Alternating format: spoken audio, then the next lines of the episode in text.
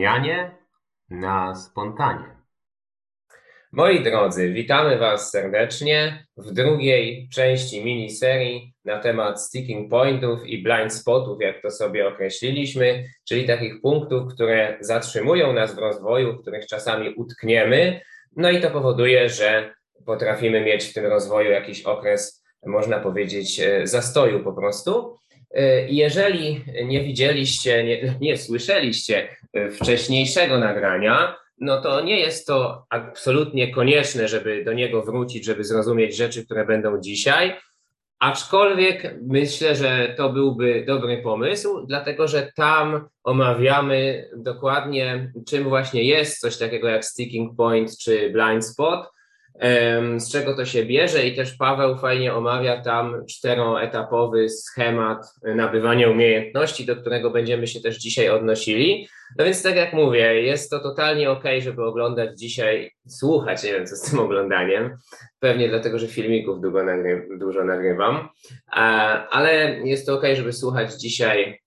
mm, bez tamtego poprzedniego wstępu, natomiast razem z tamtym pierwszym odcinkiem tej e, miniserii będzie to po prostu bardziej zrozumiałe, także tutaj pozostawiamy Wam e, wybór. No i dzisiaj też trzymamy się takiej samej konwencji jak poprzednio, czyli będziemy sobie e, mówili o kolejnych schematach, tyle że już dzisiaj na poziomie takim bardziej zaawansowanym, no bo po prostu stwierdziliśmy z Pawłem, że jak przygotowywaliśmy się do tego podcastu, to tak dużo wyszło tematów, tak dużo wyszło sharingu, że musielibyśmy albo ucinać pewne rzeczy i skracać ten odcinek na siłę, czego nie chcemy robić, no bo czasami jakieś tam zdanie naszego sharingu może być tym kluczowym, które ktoś z Was potrzebuje usłyszeć, a czasami też e, właśnie takie skracanie powoduje, że jest jakiś popłoch i gdzieś struktura e, się, się rozjeżdża, e, więc mm, no nie byłoby to fajne, a z drugiej strony nadmiernie przedłużanie odcinków też dla niektórych z Was jest uciążliwe, no bo wolicie mieć coś takiego, że to jest jakby kompletny odcinek, e, jakiś tam jeden temat zamknięty, więc po prostu podzieliliśmy sobie to na dwie części. No i dzisiaj omawiamy tą część e, drugą. Także dzisiaj omówimy tematy bardziej zaawansowane. Poprzednio były takie bardziej podstawowe, ale oczywiście może czasem tak być, że ktoś nawet na poziomie zaawansowanym będzie miał te podstawowe, o czym też już myślę, że wspomniałem. Także tyle tytułem wstępu. No i jak zwykle witają Was Piotrek Podskarbi i ze mną Paweł Reder, któremu właśnie oddaję głos. Tak, witam Was serdecznie. I tak na wstępie ja powiem może, że właśnie ten podział, który sobie zrobiliśmy na te takie mm, sticking pointy, czyli takie punkty, w których możemy utknąć w naszym procesie rozwoju, e, podzieliliśmy to jakby na początkujące, tak jak Piotrek powiedział, i zaawansowane. I takim głównym kryterium, na którym ja przynajmniej tak sobie wybierałem te swoje punkty, ale myślę, że Piotrek robi to podobnie, jest to, że te początkujące punkty są takie, na których można utknąć już na samym początku. Czyli Piotrek fajną metaforę właśnie podał w poprzednim nagraniu, gdzie powiedzieliśmy, że mm, trochę psychika człowieka i osobowość jest jak taki dom zarządzany przez służących i ten służący, który pierwszy wbiegnie na górę, to zaczyna rządzić resztą, czyli kierować. I mi to się przypomniało, że, że mógłbym to opisać trochę tak, że ten poziom początkujący jest taki, gdzie panuje trochę taka anarchia i nie ma takiego lidera, czyli nie ma tej takiej osobowości, która by czymkolwiek zarządzała, więc zazwyczaj osoba na poziomie początkującym może nie mieć żadnych rezultatów w żadnym obszarze i potrzebuje dopiero coś zoptymalizować. Natomiast te problemy e, i te blokady, o których porozmawiamy dzisiaj, są raczej już takie, jest ich trochę mniej mi się wydaje i są takie bardziej popularne i powszechne na poziomie, kiedy udało nam się już coś zoptymalizować, Czyli pojawiła się jakaś taka osobowość, która w miarę zarządza naszym życiem, ma pewne e, rezultaty. I pierwszy, może też od razu zacznę od pierwszego, pierwszym takim sticking pointem, który widzę, jest właśnie brak konfrontacji z tymi e, częściami, które są w jakiś sposób zranione, mają niedokończony proces i ciągłe uciekanie od tych części, czyli nazwałem to brak konfrontacji z cieniem, czy brak integracji e, cienia. I mam to na myśli coś takiego, że na pewnym poziomie, jeżeli zbudujemy sobie w miarę mocną jakąś jedną z osobowości, czyli może być to osobowość kompensacyjna, no to faktycznie ona nam pomaga e, zarządzać, i to jest super, od razu na wstępie powiem, ona nam pomaga zarządzać trochę naszym życiem, czyli jest w stanie wejść w odpowiedni stan emocjonalny, jest w miarę zorganizowana e, i osiąga swoje założenia. Natomiast problem, jaki tam się pojawia, jeżeli nie skonfrontujemy się z tym, co jest wewnątrz, to jest to, że często te założenia i cele, które wyznacza ta osobowość, są to cele które kierują nas do tego, żeby uciec od tego, co jest gdzieś tam wewnątrz nas. Czyli zauważmy, że pierwszy etap jest taki, że e, osiąga się rzeczy materialne, czyli wierzymy, że jesteśmy w stanie uciec od tego, co jest wewnątrz nas, czyli czujemy, jest takie wtedy poczucie klasyczne, że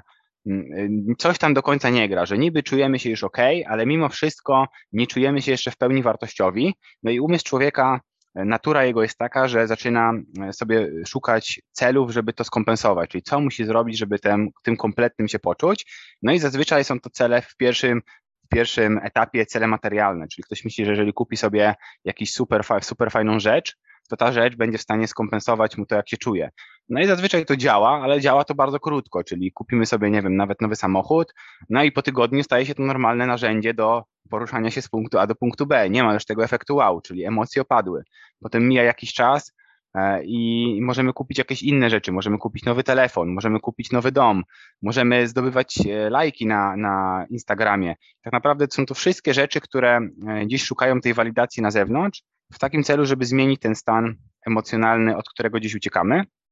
I, I jeżeli ten etap przestaje działać, bo w pewnym momencie albo osoba zdobywa tak dużo zewnętrznie, że widzi, że to po prostu nie działa, czyli że mimo tego, że e, słyszałem o osobach, które mają wszystko, nazwijmy to materialnie, co chciały mieć, czyli nie ma już większych celów, to dalej czują takie poczucie pustki i że mimo wszystko coś w nich jest, że nie czują się wartościowe, to albo zrozumieją właśnie już ten schemat, o którym mówimy, że jest tam mimo wszystko niedokończony proces i najlepsze, co można zrobić, to skonfrontować się z tym i dokończyć ten proces, albo jeszcze jest przechodzenie przez taki etap pracowania nad swoją osobowością, czyli zmieniania swoich nawyków, afirmowania, prowadzenia jakichś dzienników wdzięczności, robienia różnych rytuałów duchowych, robienia jakichś rytuałów morsowania i tak dalej, i tak. I oczywiście robienie tych rzeczy ma ogrom korzyści, jeżeli jest robione też z dobrego miejsca, więc to nie jest tak, że te rzeczy mm, robią tylko osoby, które kompensują, natomiast to, co jest kluczowe i to jest już właśnie takie bardzo subtelne na poziomie zaawansowanym, żeby sprawdzać samego siebie, z którego miejsca w nas wychodzi ta intencja do robienia tego. Czy to jest faktycznie jakaś nasza większa misja i robienie czegoś e, i jakby dawanie sobie wartości dla większych celów, czy jest to mimo wszystko schemat, dzięki który pozwala nam uciec od tego, jak się sami ze sobą czujemy, czyli żeby nie konfrontować się z tym,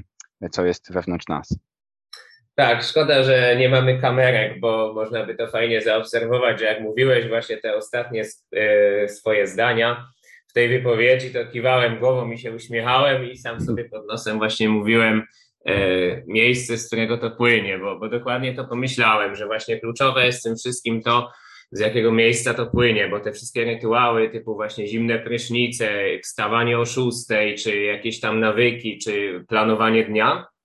wszystko to jest super, tylko właśnie kwestia jest kluczowa, czy to płynie z miejsca takiego praktycznego, że na przykład robię ten prysznic i rzeczywiście widzę, że super się po tym czuję, więc po prostu to robię, czy też robię to dlatego, żeby być rozwojowy i kompensować sobie jakieś tam inne rzeczy, żeby znowu trochę podzielić świat na lepszych i gorszych, gdzie e, lepsi są rozwojowi, no i oni robią prysznice, a nierozwojowi są gorsi i oni nie robią pryszniców. Więc jest to takie trochę zabawne czasami, ale te pułapki też sam wpadałem, więc doskonale wiem, o czym mówisz.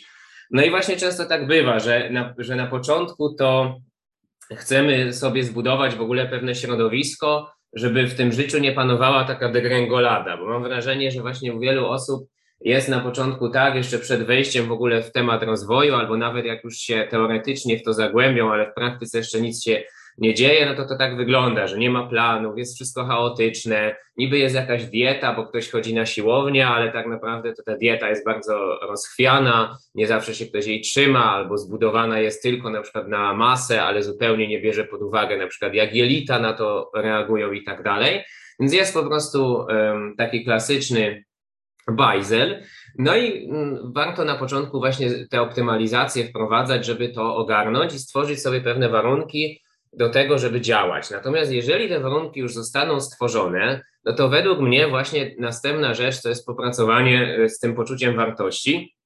I to, czego ty dotknąłeś, o czym myślę, że też kiedyś nagramy osobne w ogóle e, mm, podcasty, ale to jest właśnie ta konfrontacja z cieniem, ja często mówiłem o zranieniach takich dziecięcych i kiedyś pamiętam, jak słuchałem tego jeszcze z zagranicznych nagrań, to były to y, te, takie terminy określane właśnie słowem wounding albo hurting, czyli pewnego rodzaju właśnie zranienia, rany, ciosy jakieś takie zadane w dzieciństwie, które mają często e, odbicie w przyszłości, w, no, w naszej teraźniejszości i w przyszłości też, jeżeli nic z tym nie zrobimy.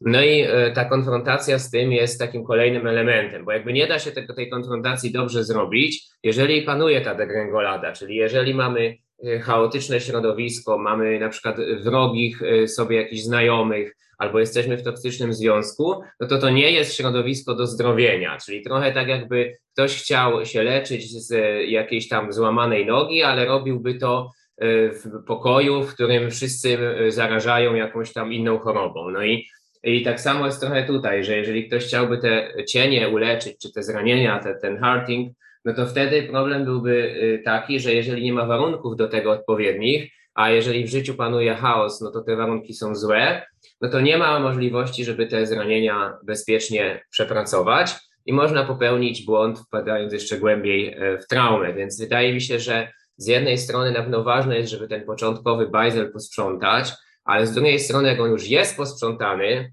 no to nie szukać wymówek, żeby jeszcze dosprzątać coś, żeby było w ogóle kurcze muzeum z tego, z tego naszego domu, tylko żeby stworzone warunki wykorzystać potem do tego, co jest tak naprawdę tą najgłębszą konfrontacją, albo przynajmniej najgłębszą na danym etapie. No i to według mnie jest właśnie taka um, prawdziwa droga rozwoju. Tak, no ja też, jeżeli chodzi o tą brak konfrontacji, czyli w jakim kierunku to może iść, bo myślę, że dotykamy ciągle tego obszaru właśnie, czyli jeżeli to poczucie wartości nie jest w pełni przepracowane, to oczywiście takich wariacji, można powiedzieć, w jaki sposób ktoś wybierze, żeby sobie z tym radzić, jest kilka. No właśnie jedna jest ta, która ty powiedziałaś, czyli na końcu, czyli można zdobywać nowe umiejętności. I też to widziałem po sobie, czyli uważam, że każdy proces rozwoju przechodzi przez pewne etapy i te etapy często wymagają większego zaangażowania i właśnie większej pracy. Natomiast taką mm, pułapką z tej perspektywy jest to, że można mieć już właśnie jakiś poziom rezultatów, natomiast nie y, przechodzić przez dalsze kroki E, procesu, tylko albo zaczynać na przykład tłumaczyć sobie to, że jeszcze potrzebujemy nauczyć jakieś nowej umiejętności i to dalej nie można powiedzieć, że nie jest rozwojowe, bo jeżeli ktoś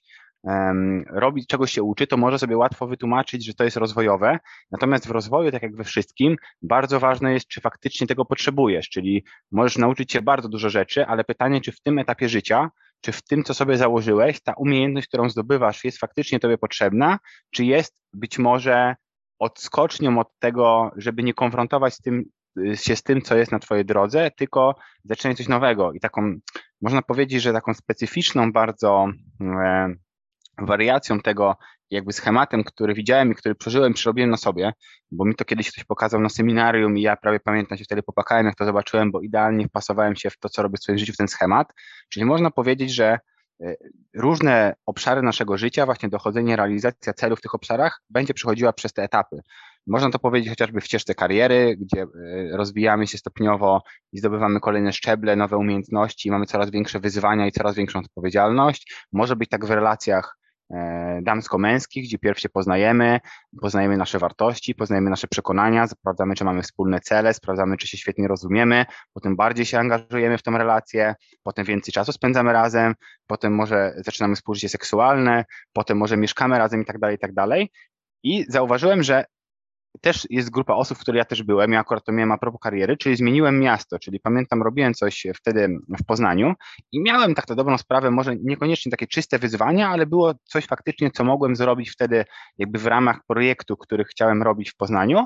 ale pamiętam, że nie czułem się wtedy emocjonalnie gotowy, żeby to zrobić, natomiast wiem to dopiero teraz z tej perspektywy, bo wtedy sobie to tłumaczyłem, że szukam nowego wyzwania, czyli że wyjadę do Berlina, pojadę do dużego miasta, zawsze chciałem tam mieszkać i duże miasto to jest dużo możliwości i to jest kolejny duży krok w moim rozwoju. Natomiast fakt był taki, że jak zobaczyłem, że proces jakikolwiek byłby pięciostopniowy, to ja ciągle dochodzę do trzeciego kroku, czyli robię krok numer jeden, robię krok numer dwa, robię krok numer trzy i zamiast przejść do kroku numer cztery, to porzucam cały proces, dlatego że nie chcę się skonfrontować z tym, co tam jest i w innym zupełnie miejscu lub w innym kontekście, który dla umysłu wydaje się całkowicie nowy i rozwojowy, zaczynam wszystko od nowa, czyli można powiedzieć, że odtwarzam to, co już znam, w zupełnie innym kontekście, mając iluzję, że się rozwijam, a tak naprawdę ciągle stoję w miejscu, bo dochodzę do pewnego sufitu, z którego spadam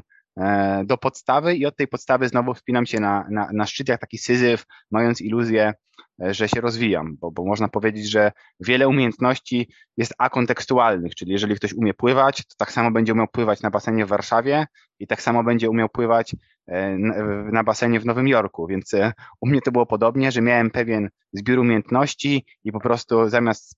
zdobyć kolejną potrzebną umiejętność, to ciągle wracałem do punktu zera i odtwarzałem to, co już znam, mając iluzję, że się po prostu rozwijam. To, co mówisz, to kojarzy mi się właśnie z sytuacją, kiedy jest to jakiś szczególny przypadek tego schematu, Czyli ludzie przychodzą do środowiska rozwoju osobistego i tam w tym środowisku odgrywają te same gierki, które odgrywali w środowisku pozarozwojowym, tylko być może czasami w taki bardziej subtelny sposób. I najciekawszy motyw to jest y, właśnie z poczuciem wartości, gdzie ludzie czasami próbują w takich środowiskach rozwojowych pokazać sobie na siłę, jak bardzo im nie zależy na opinii drugiej osoby, czy też e, jak bardzo im e, nie zależy na tym, gdzie ktoś inny ich wypozycjonuje, bądź też pokazywać usilnie jakiś taki wewnętrzny luz, no co jest absurdem jako takim, no bo jak można usilnie pokazywać luz? To już so, same sobie to zaprzecza. Natomiast z czego się takie absurdy biorą? Ano biorą się z tego, że jako ludzie mamy tendencję do tego, żeby trochę walczyć o status. I to czasami ma aspekt funkcjonalny, czyli walczymy o ten status, żeby dostać jakieś zasoby, ale często ma to aspekt taki dysfunkcyjny, czyli po to walczymy o ten status, żeby dostać jakiś status, żeby się z tym utożsamić i poczuć się lepiej po prostu, czyli też znowu wchodzi w ten aspekt kompensacyjny. No i teraz, jeżeli mamy takie środowisko skupione wokół, załóżmy, inwestowania, no to można w miarę łatwo, powiedzmy, oszukać kogoś, że ma się efekty w tym inwestowaniu, bo na przykład ktoś tam przyjdzie, będzie chciał zbudować ten status, no i pokaże tylko jakieś zyskowne pozycje, które zawarł, a transakcji stratnych nie pokaże, no i tak naprawdę raczej tego nikt nie sprawdzi. No teraz powiedzmy na blockchainie to jeszcze by można, ale to zawsze ktoś może powiedzieć, że ma jakiś inny portfel jeszcze, a na przykład jak to byłyby akcje czy, czy, czy Forex, to w ogóle tego nikt nie sprawdzi, więc jakby no nie da się tego sprawdzić, nie da się tego zweryfikować, więc ktoś może po prostu E, łatwo kogoś oszukać. I, i to jest e, na przykład w kwestii um, inwestowania, ale tak samo w przypadku sportu, no to też jak ktoś będzie chciał ten status zbudować trochę na oszustwie, no to łatwo jest innych okłamać, bo powie na przykład, że przebiegł jakiś tam maraton, wrzuci jakieś zdjęcia, ale no tak naprawdę nikt tego nie zweryfikuje, czy on tam rzeczywiście przebiegł te 42 kilometry, czy on przebiegł dwa i zrobił zdjęcie, tak? Więc jakby jest to trochę kwestia umowna i oczywiście jak ludzie się bardziej znają, to pewne rzeczy zaczynają weryfikować, ale na początku jest to dosyć łatwo, żeby pewne rzeczy e, tylko i wyłącznie markować, czyli po prostu udawać, że one są inne. I teraz jeżeli chodzi o rozwój osobisty, no to paradoks polega na tym, że tamtym aspektem, który daje status, nie jest już ile zarabiasz, tak jak w środowiskach na przykład związanych z inwestowaniem, nie jest to ile na przykład wyciskasz albo w jakim czasie coś tam przebiegłeś, tak jak w środowiskach sportowych, tylko często jest tam na przykład poczucie wartości tym aspektem, które jakby trochę pozycjonuje, gdzie ktoś ma, gdzie ktoś w tym rozwoju jest i jaki ma status. No i teraz paradoks polega na tym, że nie da się takiego poczucia wartości w taki sposób udawać, bo tak jak mówiłem, no można udawać, że się ma jakieś tam zyski i tego raczej nikt nie sprawdzi, natomiast z poczuciem wartości to od razu to widać. I to jest takie triki dla ludzi, bo są nauczeni tego, że ok, wszędzie możemy udawać wyższy status niż mamy, a tutaj już się jakby nie da, bo tutaj tym statusem jest tak naprawdę wewnętrzny luz, a nie da się udawać wewnętrznego luzu, bo im bardziej ktoś się stara pokazać, że jest wyluzowany, tym bardziej kompensuje i zachowuje się tak naprawdę jak pajac, jaki niewykalibrowany i to jest przez ludzi po prostu odtwarzane. I teraz problem, jaki według mnie, mm, czy od, przez ludzi jest to um, wyczuwane innych, to, to miałem na myśli. Natomiast no, oczywiście jest to odtwarzane jakoś tam później. I teraz, um, co należałoby tutaj zrobić? Jak ja widzę te rozwiązanie tego problemu, Czyli jeżeli ktoś przychodzi do takiego środowiska rozwojowego i widzi, że ok, nie mam jeszcze przepracowanego poczucia wartości, czyli trochę po mnie będzie widać to, że się przejmuje czyjąś opinią, trochę będzie po mnie widać to, że e, na przykład zależy mi na tym, co o mnie ktoś pomyśli, albo e, będę starał się trochę wchodzić w gierki statusowe z innymi, no to idealnym rozwiązaniem było po prostu zrozumieć, ok, czyli czegoś jeszcze nie rozumiem, coś mi jest jeszcze potrzebne i to są priorytety w moim rozwoju, bo to jakby będzie największą dźwignią w moim życiu. I tak, gdyby podejść, to wtedy już to już jest to paradoksalnie pewnym przepracowaniem tego poczucia wartości, bo chociaż ono jeszcze nie jest y, takie kompletne, to jednak już się zgadzasz na to, jak jest w tej chwili. To już jest tym pierwszym krokiem. Natomiast w momencie, kiedy ktoś nie tylko, że go nie przepracował, ale jeszcze wypiera ten fakt, że go nie przepracował, to zaczyna wchodzić w te gierki i udawać właśnie ten status w tej grupie, żeby tylko nikt nie zauważył tego, że on jeszcze nie jest y, wyluzowany. Y, no i prowadzi to do takich absurdalnych zachowań, a rozwiązaniem tego jest właśnie taka radykalna uczciwość. Nawet taka książka była Radical mhm. Honesty, E, I to mi się też kojarzy z tym, żeby właśnie być tak radykalnie uczciwym względem siebie, czyli nie powiedzieć sobie czegoś w stylu, że jeżeli teraz udam pewność siebie, to ludzie mnie z tym będą kojarzyli i ja będę o sobie lepiej myślał, tylko powiedzieć sobie, kurczę, przecież ten mechanizm jest absurdalny, powinienem się oceniać w oparciu o to, co tak naprawdę się dzieje w moim życiu, a nie co ktoś pomyślał, zwłaszcza jeżeli ja to specjalnie zafałszowałem, no i w tym momencie jakby takie zrozumienie już powoduje, że z tego schematu zaczynamy wychodzić. Natomiast bycie w tym schemacie jest, jest takie dosyć zabawne, no bo ludzie niby to rozumieją, że to poczucie wartości się manifestuje w tym wewnętrznym ludzie i nie da się tego udawać, po, po czym przychodzą do środowiska, rozmawiają ze sobą i mówią nawet o tym, jednocześnie to udając, więc jest to taki bardzo tricky sticking point, uważam, ale warto trochę sobie nad tym pomedytować czy pozastanawiać się nad tym, bo naprawdę jak ja to zrozumiałem, to dużo, dużo rzeczy u mnie e, po prostu puściło, no i, i, i moje mm, poczucie wartości też się stało dużo bardziej e, zdrowe. Ja myślę, że tutaj też jest kluczowe to, żeby zrozumieć, że ta, to udawanie jest jeszcze gorsze i daje jeszcze gorsze rezultaty niż jakbyśmy w ogóle tego nie robili. Czyli to jest dokładnie to, co ty powiedziałeś, bo myślę, że w ogóle jeżeli chodzi o środowiska rozwoju, to szczególnie jeżeli osoby tam się zajmują tematami związanymi z emocjami, z kalibrowaniem, czyli z obserwowaniem środowiska i wyciąganiem na podstawie zachowań pewnych wniosków, no to to, to, to, to, to doskonale widać, bo oczywiście ja jestem w stanie sobie wyobrazić sytuację, gdzie ktoś e, to jest takie, e, mówiło się na to, pamiętam kiedyś, udawany samiec alfa, czyli ktoś e, przeczytał jakąś książkę o rozwoju i tam było napisane, że taki prawdziwy mężczyzna to jest mężczyzną alfa, no i on właśnie nie zrozumiał, że mężczyzna alfa to jest ktoś, kto przepracował w sobie wszystko i nie musi nic światu udowadniać, bo to jest ten świetny przykład, gdzie ktoś powiedział kiedyś, że jeżeli, czy musisz udowadniać, udowadniać światu, że masz dwa kolana? No nie musisz, bo doskonale wiesz, że to jest prawda. Natomiast wszystko, co chcemy udowodnić na zewnątrz, robimy zazwyczaj po to, żeby e, udowodnić to samemu sobie, czyli część nas nie wierzy w to, że to jest prawdą, więc im bardziej ktoś walczy z tym, że jest pewny siebie, że ma wysokie poczucie wartości, to tym bardziej gdzieś tłami się tą część w sobie, która mimo wszystko mówi, że nie jest pewny siebie, a ta część mówi zazwyczaj, że nie jest pewny siebie dlatego, że ma niedokończony proces, więc dokończenie procesu tej części spowodowałoby to, że całe poczucie wartości zostałoby uzdrowione, a żeby uzdrowić tą część, to trzeba pierw zaakceptować fakt, że faktycznie ta część tam jest i że faktycznie ma jakiś niedokończony proces, czyli właśnie to, co ty powiedziałeś, tworzy zazwyczaj jeszcze większe napięcia, bo osoba jeszcze bardziej walczy, żeby pokazać, a świat zewnętrzny jeszcze bardziej pokazuje jej, że tak faktycznie nie jest, e, jak ona myśli e, i że to poczucie wartości jest po prostu nie do końca takie pełne, czyli to udawanie jest takie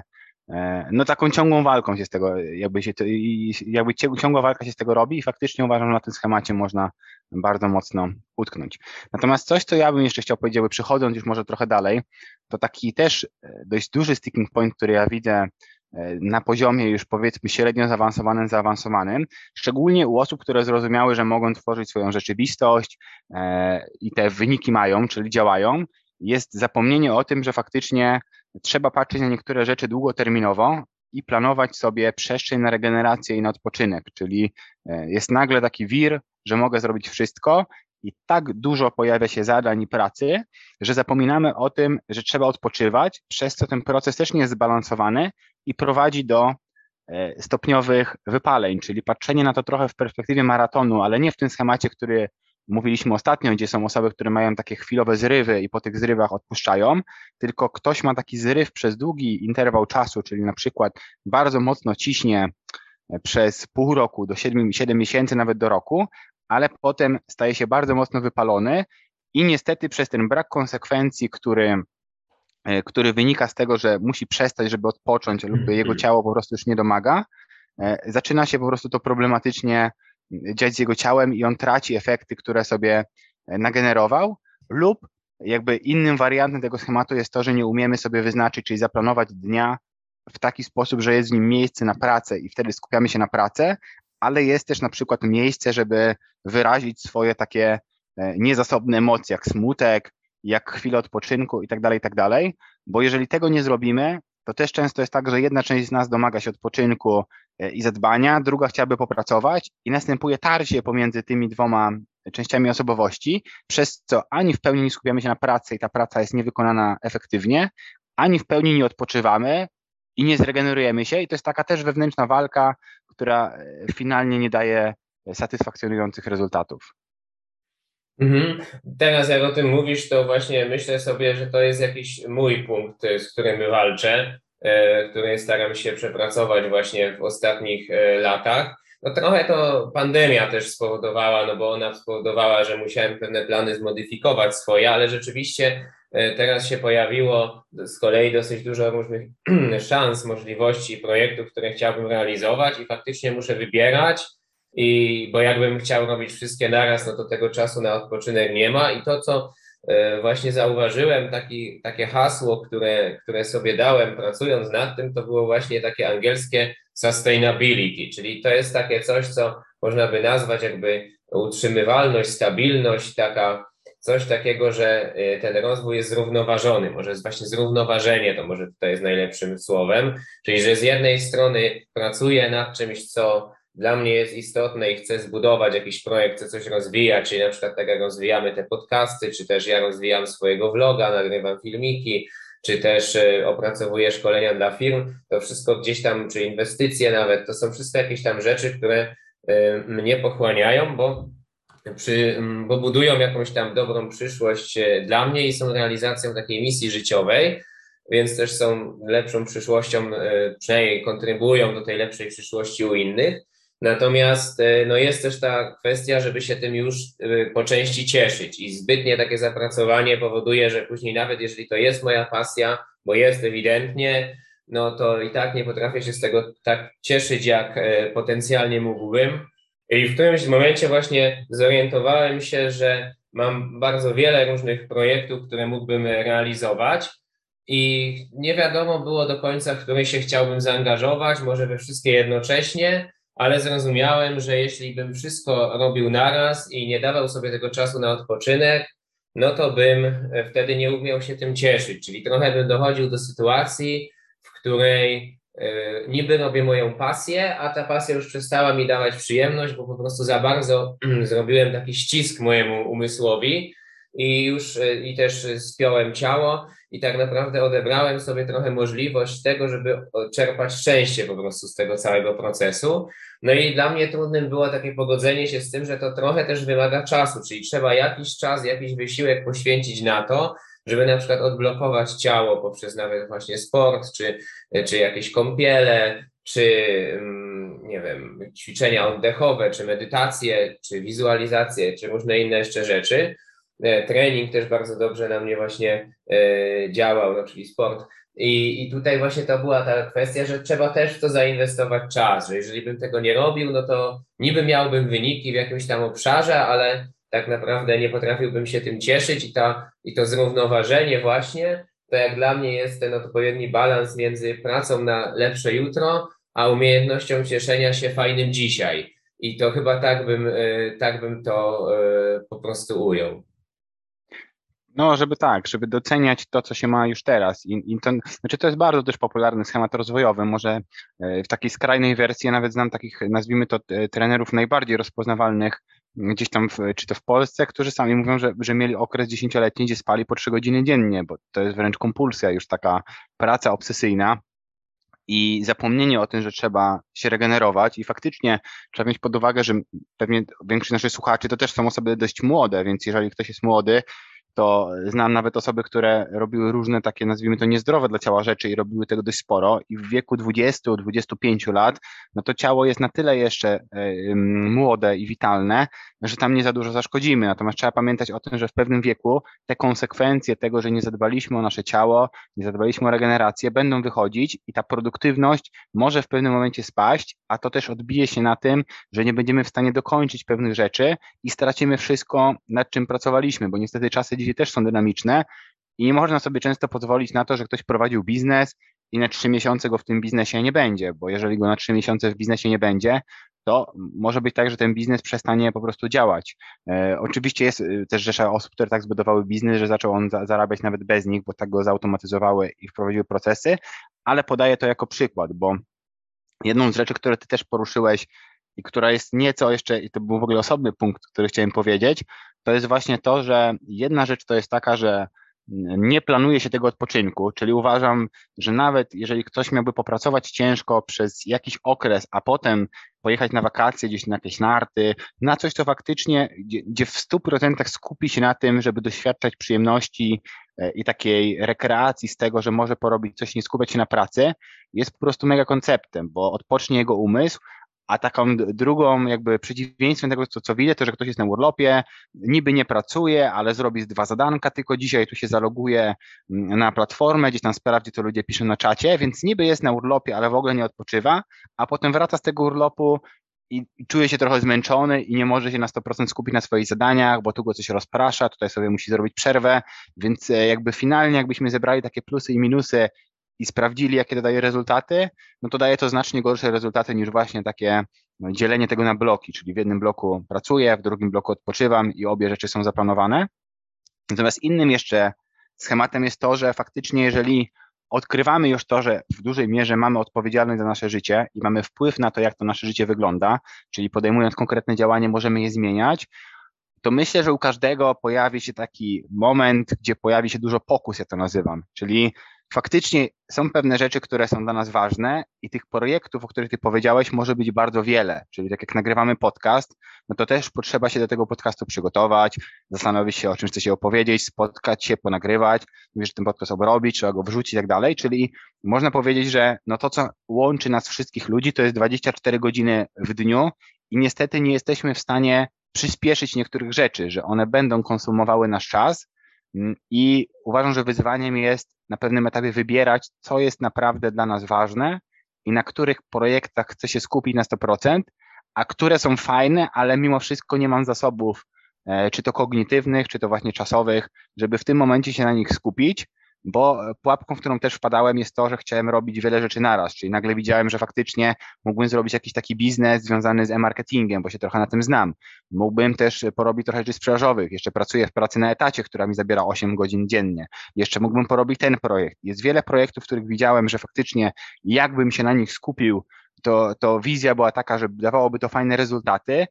ale nie doszacowywałem tego, ile to faktycznie czasu by mnie kosztowało, jeżeli chciałbym się w to w pełni zaangażować do takich rezultatów dojść. Przez to niektóre rzeczy robiłem na pół gwizdka i raz, że osoby, z którymi to robiłem, mogły być trochę niezadowolone, bo tak z jednej strony coś chciałem porobić i też inwestowaliśmy już to jakiś czas, a z drugiej strony nie dawało to,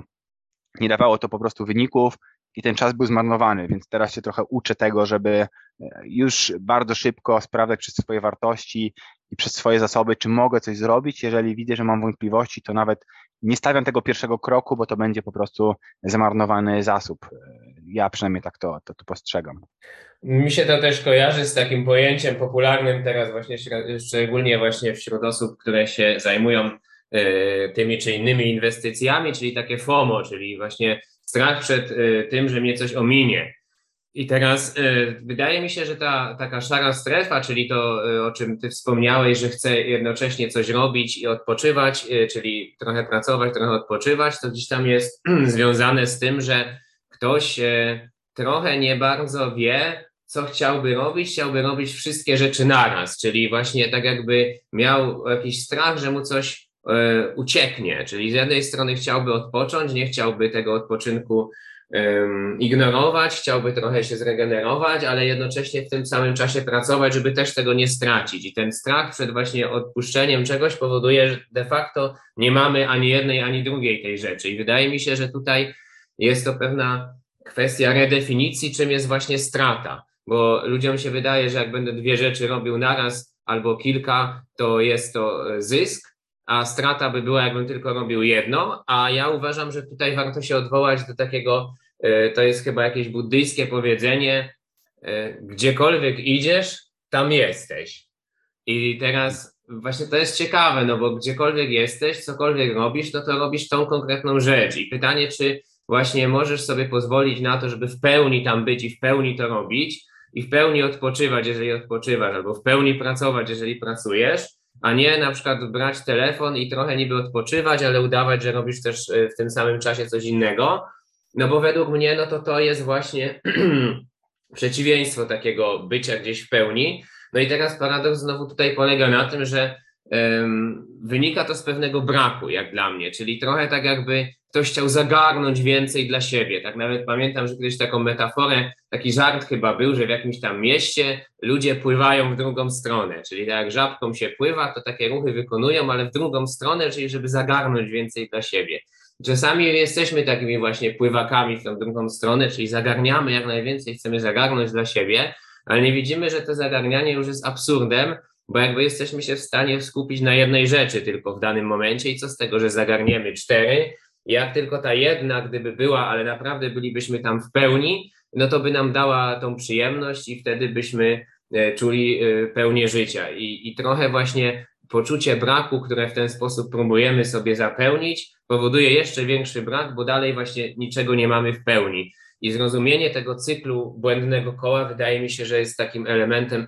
który pozwala po prostu z tego wyjść. Natomiast nie jest to proste, dlatego że to jest często nawyk, który po pierwsze jest nas, w nas głęboko zakorzeniony, a po drugie też programowanie społeczne to wzmacnia po to, żeby sprzedawać różne rzeczy, których nie potrzebujemy. No bo gdyby ktoś stwierdził, że o,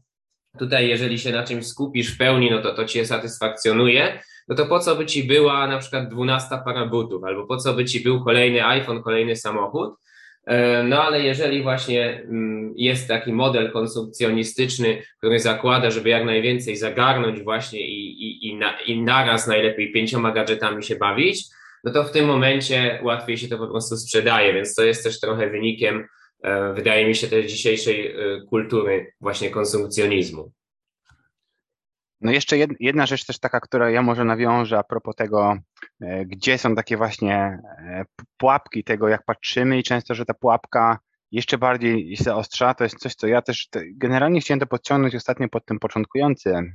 moduł, natomiast on też może być zaawansowany, czyli Covey to nazwa w książce 7 nawyków skutecznego działania ostrzeniem piły. Ja ten schemat też znałem jako jakość versus jakość, czyli jakość, na końcu brakuje ci, czyli jak dołożymy ćwiczenia, to pojawia się jakość. I teraz e, podam to może na przykładzie naszego podcastu, czyli często jest tak, że można utknąć też właśnie w takim schemacie akumulacji wiedzy, a z drugiej strony mamy schemat działania bez strategii. I teraz co mam na myśli? Czyli jak ktoś bardzo mocno e, działa bez żadnej strategii i nie wyciąga wniosków ze swoich e, działań, czy nie ma tego lub takiego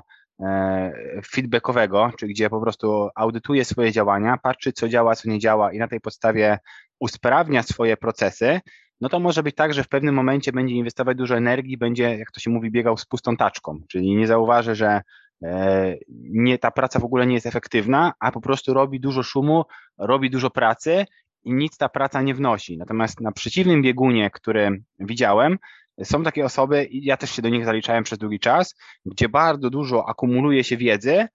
i tłumacząc sobie, że jeszcze nie jest się gotowym do tego, żeby rozpocząć e, działanie. I faktycznie też rozdzieliłem sobie to, że jedna rzecz to jest być przygotowanym, a druga to być gotowym. I gotowość często jest emocjonalna. Jeżeli tego nie ma, to po prostu będziemy jakby na poziomie trochę wymówek tłumaczyć sobie, że jeszcze brakuje nam pewnej wiedzy i ciągłym edukowaniu siebie, żeby jeszcze to udoskonalić, gdzie tak naprawdę kluczową rzeczą, która by teraz pomogła i zwiększyła kompetencje, jest właśnie to, żeby rozpocząć działanie jakoś. I my tak robiliśmy też, pamiętam, podcasty, czyli pierwszy podcast zaczynałem z tobą nagrywać, no to mówię, ja, ty miałeś już, Piotrek, doświadczenie, więc miałeś już jakieś obycie. Ja nagrywałem gdzieś sobie tak amatorsko, ale nie miałem go tyle, natomiast widzę ogromny przeskok jakości tego, w jaki sposób się wypowiadam i co nagrywam, w porównaniu do tego, jak robiłem pierwszy odcinek. I teraz nie wynika to z tego, że po drodze edukowałem się i zdobywałem jakąś tajną wiedzę, tylko wynika to z tego właśnie, że pojawił się ten element praktyczny i wiedza, która była zebrana już do tej pory, zaczęła być wdrażana w praktykę. I dla mnie to też jest właśnie istotne, żeby powiedzieć, że ten etap e, takiej świadomej kompetencji, gdzie czegoś jeszcze nie robię super, ale wiem, co mam robić i to ćwiczę, jest mega istotny i niezależnie czego będziemy się uczyć, trzeba przez ten etap przejść, bo jeżeli mm, pojawia się taki rys perfekcjonistyczny, że musimy zacząć, żeby to było super, to niestety nie da się zrobić super, jeżeli ten element praktyki i pozwalania sobie na pomyłki i, i na to, żeby to wychodziło jakkolwiek się nie pojawi. No jasne, z tymi podcastami to też tak y, czułem na początku, że mimo, że y, tak jak wspomniałeś, ja mam doświadczenie szkoleniowe, więc nie jest dla mnie czymś nowym nagrywanie materiałów, ale i tak było to pewne wyzwanie pod kątem tego, że musieliśmy wypracować w pewnym sensie to, na ile się mm, jakby wyczuwamy to, na ile druga osoba chce coś powiedzieć, w jaki sposób się do tego odnieść i czy ta rozmowa będzie płynąć, czy nie będziemy się gdzieś tam powtarzać i tak dalej. I to jest e, też jakieś, e, jakaś umiejętność, która wymaga pewnego wyczucia. Więc ja się liczyłem na przykład z tym, że może być e, sytuacja, w której nagramy coś i potem się okaże, że będziemy musieli trzy razy nagrywać to samo, podczas gdy no tak nie było, od razu ten pierwszy podcast po jakiejś bardzo minimalnej modyfikacji od razu poszedł.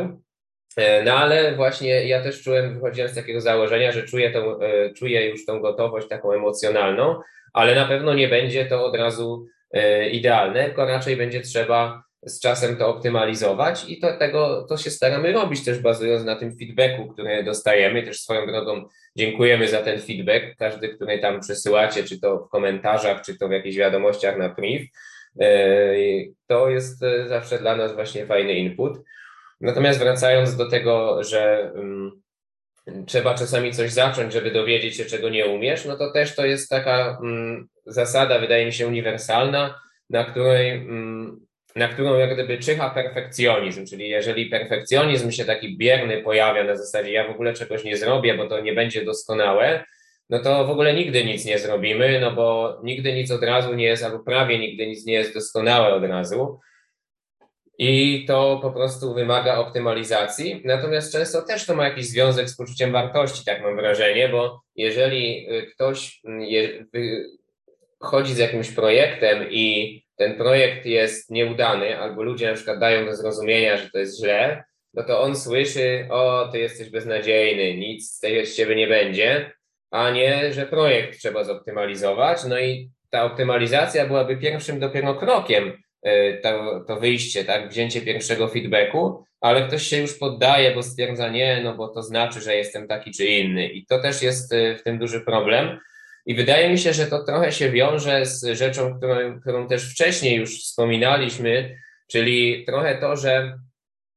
um, te zranienia z dzieciństwa bardzo często i te schematy takie dziecięce nami kierują dalej w życiu, czyli ten perfekcjonizm oczywiście to nie jest jedyny powód, wydaje mi się, ale jeden z takich powodów takiego perfekcjonizmu biernego, czyli takiej sytuacji, w której ktoś w ogóle nie zaczyna, bo coś nie będzie doskonałe i on się boi krytyki, to jest właśnie takie zranienie z dzieciństwa, czyli to, że ktoś na przykład był w dzieciństwie cały czas uczony tego, że jest niewystarczająco dobry, bo na przykład słabo się uczył i ciągle był krytykowany, że jest głupi, albo coś tam nie umiał w sporcie i był krytykowany, że jest łamagą, albo właśnie tam nie umiał grać w piłkę i go nie wybierali i tak dalej. I teraz e, często takie rzeczy już są zupełnie nieaktualne, czyli totalnie nie ma znaczenia w dorosłym życiu, kiedy ktoś już ma biznes albo pracuje gdzieś pracy i czy on był wybrany na pierwszego w drużynie piłkarskiej na WF-ie w szóstej klasie, czy był ostatni, e, albo czy dostał jedynkę z jakiegoś tam sprawdzianu, czy, czy miał szóstkę, E, ale jednak te rzeczy potrafią w nas cały czas tkwić jako takie schematy z dzieciństwa. No i to wydaje mi się, że też e, jest taki jeszcze głęboki dosyć poziom, na który dużo osób wchodzi, ale nie zdaje sobie z tego sprawy, że trzeba byłoby z tym później coś zrobić. Czyli już nawet orientuje się, że te schematy dziecięce mają na nas wpływ, ale ja też y, widziałem takie osoby, y, że słuchały jakichś nagrań, które ja na przykład poleciłem, chociażby od mojego mentora, które mówiły na temat wpływu dzieciństwa na budowanie relacji, na przykład w,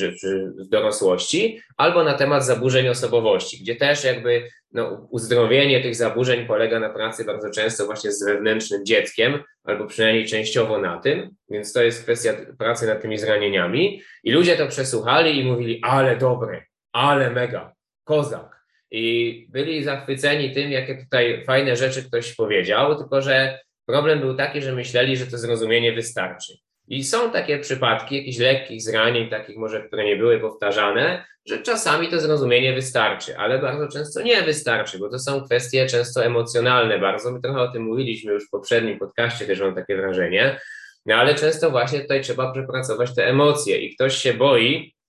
tego zrobić, no co jest w pewnym sensie normalne, ale trzeba się z tym pogodzić, że jeżeli się tylko i wyłącznie to zrozumie, jak to dzieciństwo wpływa, a nie przepracuje się go, no to ono będzie wpływać dalej. Co najwyżej ktoś będzie się starał udawać, że tego nie ma, czyli wpadać w pułapkę, o której wcześniej mówiłem. No i wydaje mi się, że to jest też taki problem w rozwoju, że ktoś już rozumie, jak to dzieciństwo wpływa na dorosłość, ale ciągle gdzieś tam nie znajduje w sobie tej odwagi, żeby to dzieciństwo przepracować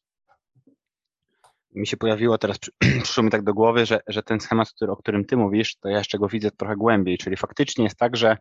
e, mamy świadomość, że jest warstwa emocjonalna i warstwa intelektualna. Jedną kwestią jest zrozumieć, że coś mamy, czyli zaobserwować,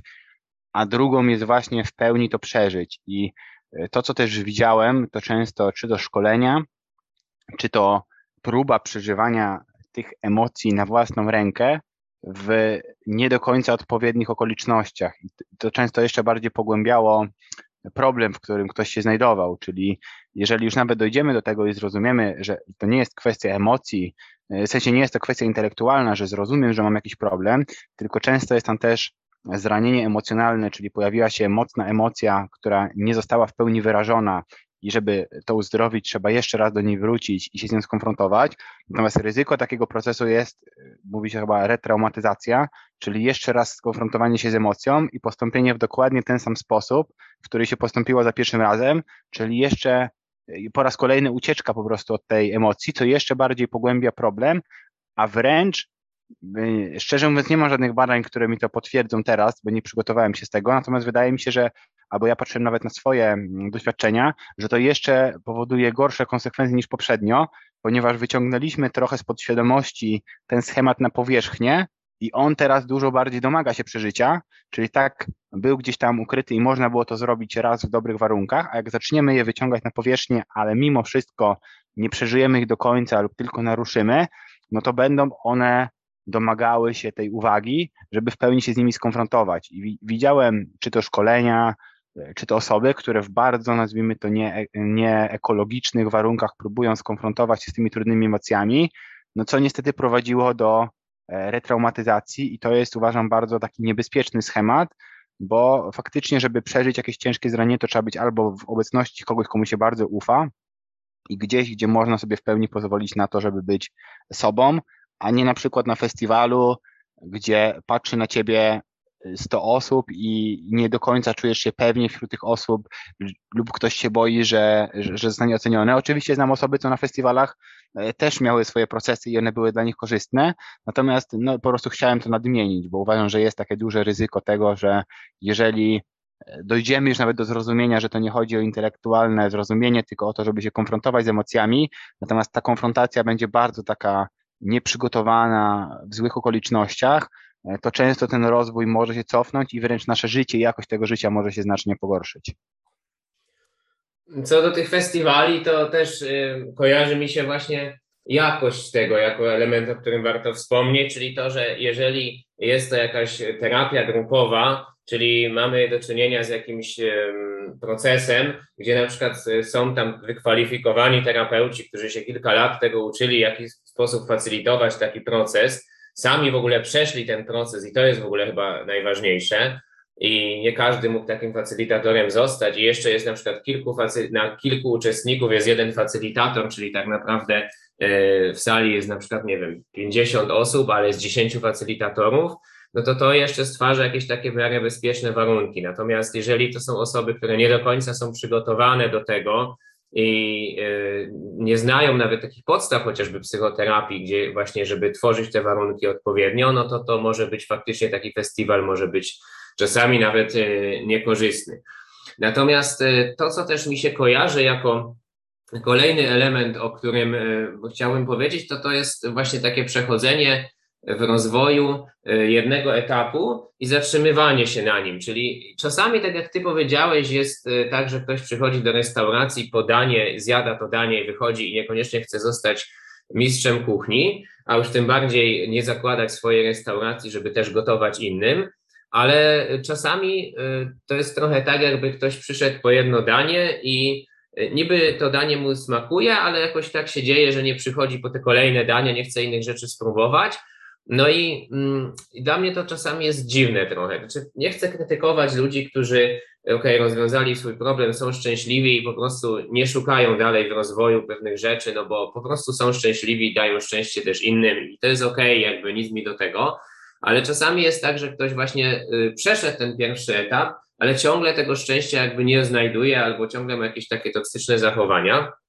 albo nie osiągnął jeszcze takiego potencjału życiowego, który mógłby, i nie zdaję sobie z tego sprawy, że można by ten rozwój kontynuować, tylko że już w nieco inny sposób. Czyli jak przejdzie ten, ten etap optymalizacji, to o tym mówiliśmy, to warto wejść w poczucie wartości. Y, przy pracy z poczuciem wartości warto w którymś tam momencie dotknąć według mnie tych dziecięcych zranień. Natomiast później, kiedy te rzeczy są już mm, uzdrowione i, i zupełnie inaczej zaczynamy, zaczynamy patrzeć na świat, to wydaje mi się, że warto też pracować na przykład nad tym, żeby mm, poszukać swojej misji życiowej, ale nie zatrzymywać się na takiej, na takiej postaci, że okej, okay, jestem teraz człowiekiem, który przepracował jakieś takie zranienie, tworzę taki wizerunek, że okej, okay, ja już teraz przepracowałem, mam e, to z głowy, wszystkie moje problemy się rozwiązały, więc ja już nie potrzebuję żadnych książek, nie potrzebuję rozwoju, bo ja już wszystko tak naprawdę wiem. A według mnie jest to też e, taki element błędu poznawczego, bo rzeczywiście jak tak zranień nie przepracujemy, to większość naszych motywacji bierze się de facto stamtąd, ale jak one miną, czyli te motywacje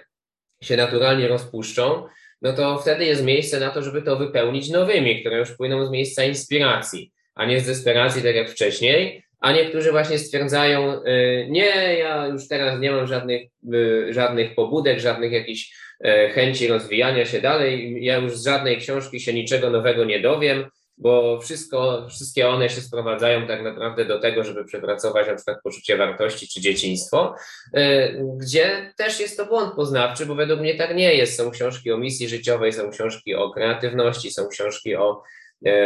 motywie życia takim właśnie, czyli po co w ogóle człowiek jest na świecie, jak to znaleźć, jak to sobie odkryć.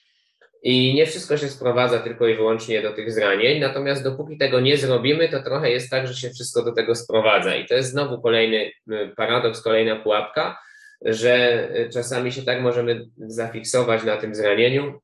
że jak już później to przepracujemy, to uważamy, że nie ma nic dalej i nie szukamy właśnie y, czegoś, co można by robić, żeby wypełnić te wszystkie miejsca, które wcześniej były zajęte tą walką z samym sobą i na początku to może być jakiś dobry moment, gdzie po prostu korzystamy, oddychamy pełną piersią w końcu w tym życiu i, i to jest super. Każdy, kto to zranienie naprawdę głęboko przepracował, miał to i, i to jest piękny okres w życiu. Natomiast według mnie on nie może trwać wiecznie, czyli w którymś momencie powinny się pojawić jakieś tam nowe wyzwania, co jest jakby taką naturalną konsekwencją tego, że ten proces jest dobrze zrobiony bo, bo ja trochę nie wyobrażam sobie takiego życia na zasadzie, dobra, przepracowałem zranienie, to już nie mam żadnych dążeń, bo po prostu by to dla mnie było nudne i nie realizowałbym potencjału. Czułbym, że, że właśnie y, nie korzystam z życia. E, więc moim zdaniem też jest jakiś taki kolejny temat, czyli zatrzymywanie się y, na jakimś etapie, rozwoju, a tak naprawdę ciągle są kolejne i wydaje mi się, że po tej misji życiowej, gdzieś tam, jeżeli to już bardzo się fajnie ustawi, to już są tematy duchowe, takie egzystencjalne, które tak naprawdę można zgłębiać do końca życia. No ja myślę bardzo podobnie. Myślę, że ten takie, jak mi się to przynajmniej jak teraz sobie myślałem w trakcie tego, jak Ciebie słuchałem, tak na swoim przykładzie, jak to wygląda, no to faktycznie, to, to, ja uważam, że właśnie życie jest takim trochę procesem i mam takie momenty, gdzie kiedy no pojawia się, szczerze mówiąc, ostatnio ich bardzo dużo, kiedy coś poszło tak, jak sobie założyłem i traktuję to jako taki mały sukces, ale mija dzień, dwa i ten sukces staje się normalnością i dalej szukam w sobie takiej motywacji, co teraz mogę zrobić, czyli też jest dużo porzucania, bo to jest trochę nawiązanie do tego, co mówiliśmy na samym początku, czyli że pułapką jest właśnie, że tak jak ktoś zaczyna rozwój i nie ma nic zoptymalizowane, jest po prostu w takim schemacie ofiary, że to życie sprawiło, że on jest w tym miejscu, a nie innym i to jest ciężki etap, żeby przeskoczyć do niego, natomiast potem jest ten etap właśnie, kiedy zoptymalizowaliśmy już pewne rzeczy, natomiast ta kurczowo się trzymamy i budujemy na tym tą naszą wartość i takie spychanie tych innych emocji tym schematem, czyli można być takie good enough, czyli jestem już wystarczająco dobry, ale dalej lęk przed utworzeniem się, żeby pójść krok dalej. Myślę, że to też będzie właśnie to, co powiedział ten Daniu w restauracji, związane z takim poziomem standardów życiowych, czyli na ile chcemy widzieć nasze życie, bo dla mnie wychodzenie z takiej misji życiowej i wartości jest po prostu tym, e, że jeżeli kocham siebie, to mogę się tą miłością dzielić ze światem na różne sposoby i zastanawianie się, w jaki sposób najefektywniej to zrobić, żeby to działało na zewnątrz i jak tą wartość mogę przekazać światu. Więc to jest, można powiedzieć, taki nieskończony proces, bo nie znam osoby, nawet jeżeli byśmy wzięli te takie najwybitniejsze jednostki oświecone, o których się mówiło gdzieś e, z poziomu duchowego, to nawet one nie były w stanie jakoś e, mm, powiedzmy szybkim tempie stale zmienić świata, czyli można powiedzieć, że to już jest pewien proces, który napędza i nie jest to proces skończony, czyli nie jest to cel do wykonania, tylko właśnie jakiś taki kierunek, e, którego się trzymamy i którym e, podążamy, bo no ewidentnie te wszystkie rzeczy, o których mówimy właśnie wynikają z tego, że jest coś tam w środku, czyli jest gdzieś to zranienie i jeżeli ciągle będziemy na tym zranieniu nabudowywali kolejne schematy, no to nigdy permanentnie nie rozwiążemy tego problemu, bo fajnie, że też mi się wydaje, że te odcinki, przynajmniej cztery kolejne, chociaż ja mam wrażenie, że od początku tak kaskadowo nakładają się na siebie, czyli coraz bardziej doprecyzowujemy pewne rzeczy i coraz bardziej rozwijamy pewne wątki, no i one właśnie ciągle sprowadzają się do tego poczucia wartości, bo to jest jednak taki kluczowy filar, na którym można się oprzeć. Jeżeli go nie ma, to różnych, tak jak powiedział, wariacji, w jaki sposób możemy uciec od tego zranienia, no jest, jest po prostu jest po prostu wiele i, i możemy o nich bardzo długo gadać. Myślę, że, że, że poruszamy te takie najważniejsze po prostu tematy, które najczęściej można gdzieś w środowisku osób, które się rozwijają, zaobserwować. Ja bym się odniósł do tego, co mówiłeś o tej miłości, bo właśnie kiedyś e, miałem takie uświadomienie podczas takiej głębokiej medytacji, że właśnie z natury rzeczy jesteś jako człowiek takim przepływem i de facto to jest coś, co najlepiej cię definiuje, że jesteś takim przepływem energetycznym, i to jest coś jedyne e, takiego trwałego tak naprawdę, co, co jest, bo, bo jakby popatrzeć na to, jak nasze życie wygląda, no to y, rodzisz się, rośniesz, budujesz ciało, po drodze gdzieś tam zaczynasz zarabiać na przykład pieniądze, odkładasz coś tam na koncie, budujesz na przykład dom albo kupujesz fajne mieszkanie, tym jesteś starszy, to ciało już jest e, zbudowane, ale możesz jeszcze na przykład dobudowywać sobie mięśnie, albo możesz sobie jeszcze powiększać ten stan posiadania, zbudować sobie, nie wiem, ogródek, posadzić drzewo. E, I tak wszystko to robisz, rozwijasz, rozwijasz, żeby na końcu umrzeć. I tak naprawdę, no, tak to się skończy wszystko. I to już jest pewne, że tak się wszystko, wszystkich nasze życie skończy. Natomiast e, to, co jest istotne, to jest ten przepływ, czyli tak naprawdę to, że my jesteśmy tym takim przepływem energetycznym, czyli jedne rzeczy przyjmujemy ze świata, tak naprawdę trochę to przeprocesowujemy przez siebie i coś możemy swoim działaniem temu światu oddać. I, I to jest tak naprawdę, jak zacząłem siebie trochę postrzegać, że to ja nie jestem tym ciałem za bardzo, które się gdzieś tam zmienia, chociaż oczywiście warto o nie dbać, ani tym bardziej jakąś sumą pieniędzy na koncie, tylko to jest też środek, którego trzeba użyć, ale tak naprawdę jestem tym przepływem, który jest w stanie to światu po prostu pewne rzeczy y, dawać, y, od, przyjmując też pewne rzeczy, czyli żeby być szczęśliwym, to według mnie trzeba się nauczyć brać, i trzeba się nauczyć dawać. Jeżeli te rzeczy robimy zdrowo, a do tego znowu co jest potrzebne, no to właśnie to poczucie wartości. Więc dlatego, tak jak ty mówisz, no dokładnie się zgadzam, że to się ciągle do tego będzie sprowadzało.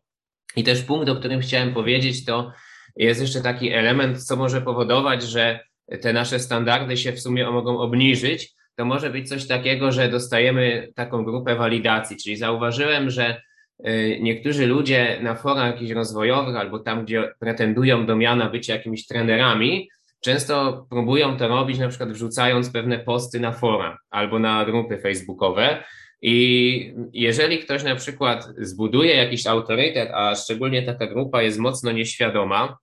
no to może już praktycznie dostawać autorytet za wszystko. Czyli zauważyłem, kiedyś była taka sytuacja, że jakiś tam chłopak wrzucał posty na forum takie lifestyle'owe, no i w którymś tam momencie wrzucił jakiś post, że, w którym podkreślał, że robił jakiś trudny trening na nogi i że to jest takie strasznie challenge'ujące. Podczas gdy no nie był to człowiek, który był sportowcem, tylko to był taki zwykły trening nóg. No i pomyślałem sobie, że w którymś tam momencie, jeżeli to już to, że ktoś zrobi nogi na siłowni, to już zaczyna być elementem, który y,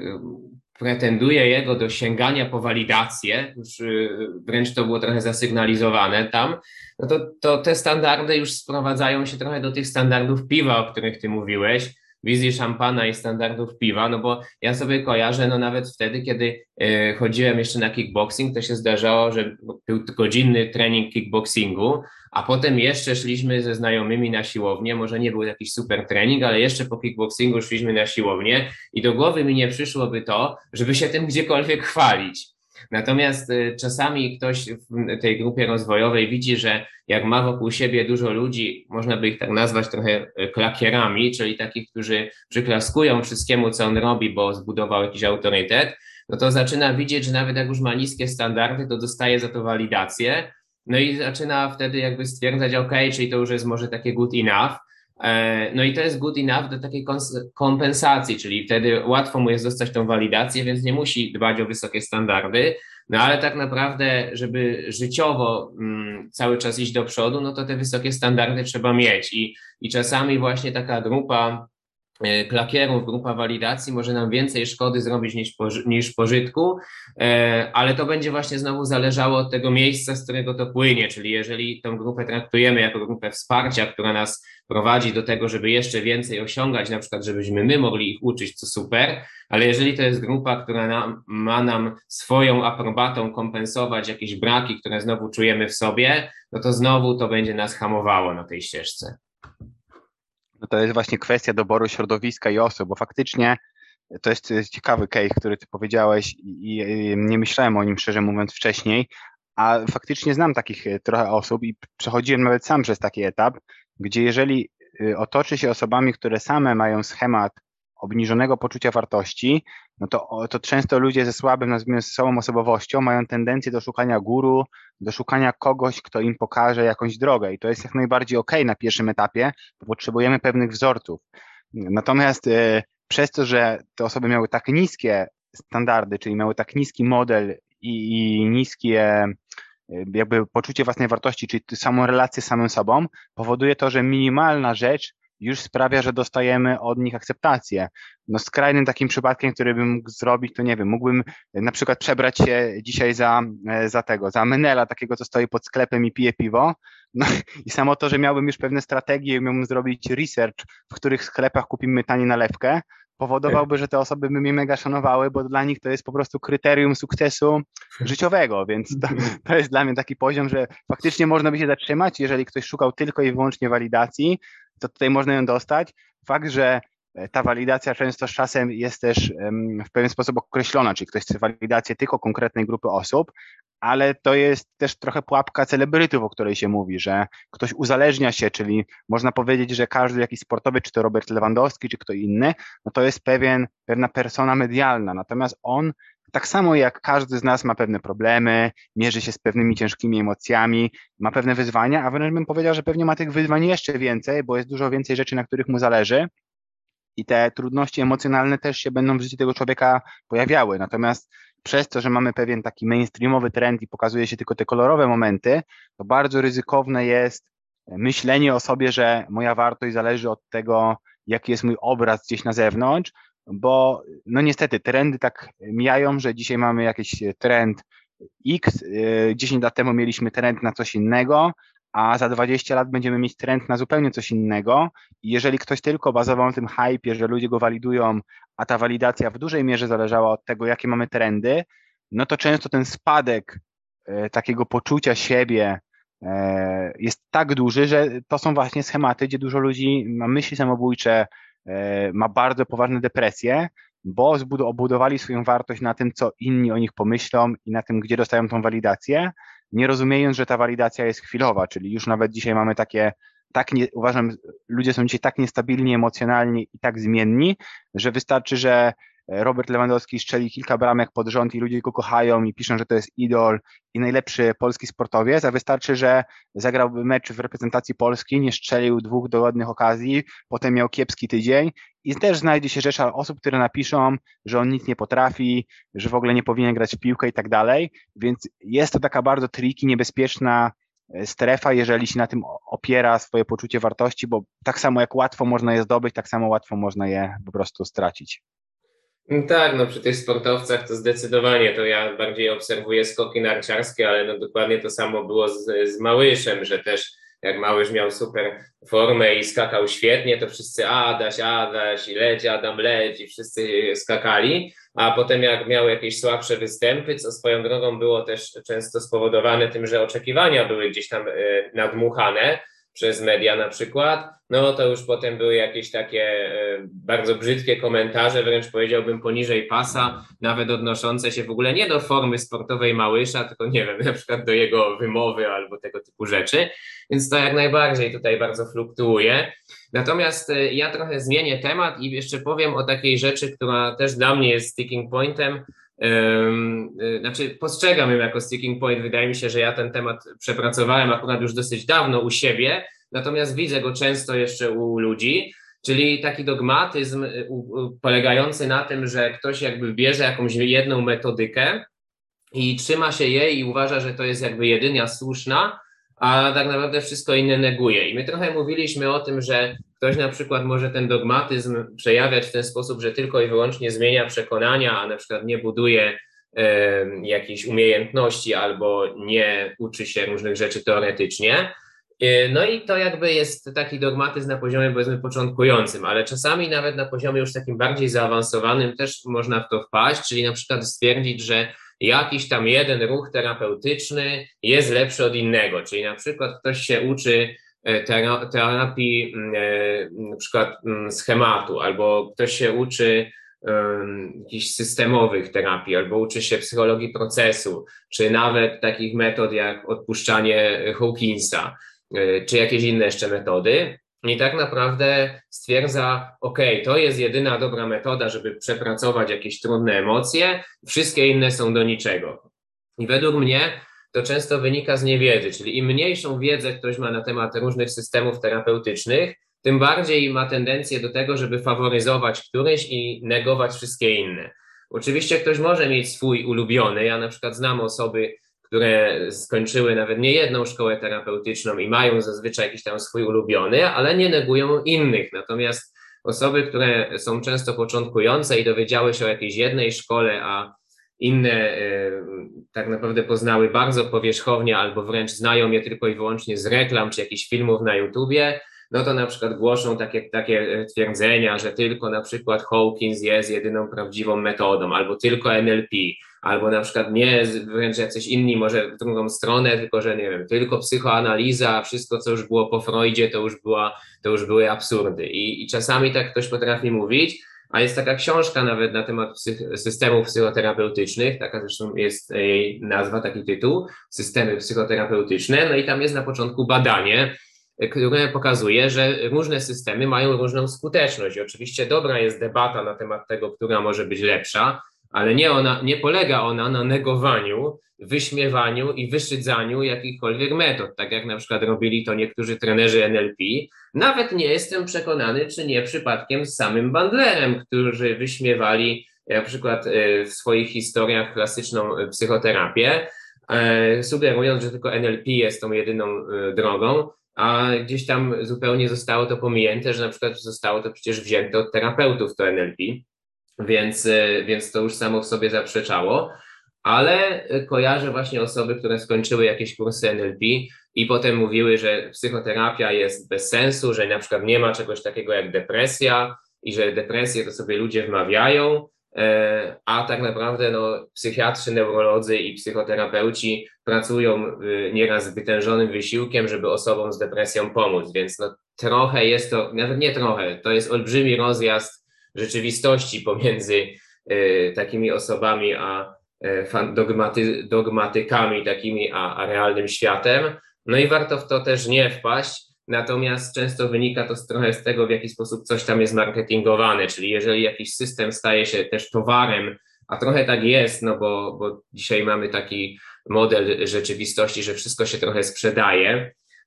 no to ten towar musi być jakoś zareklamowany i, i czasami jest reklamowany jako coś, co jest lepsze od innych, a wręcz idzie się z tym za daleko i neguje wszystko inne.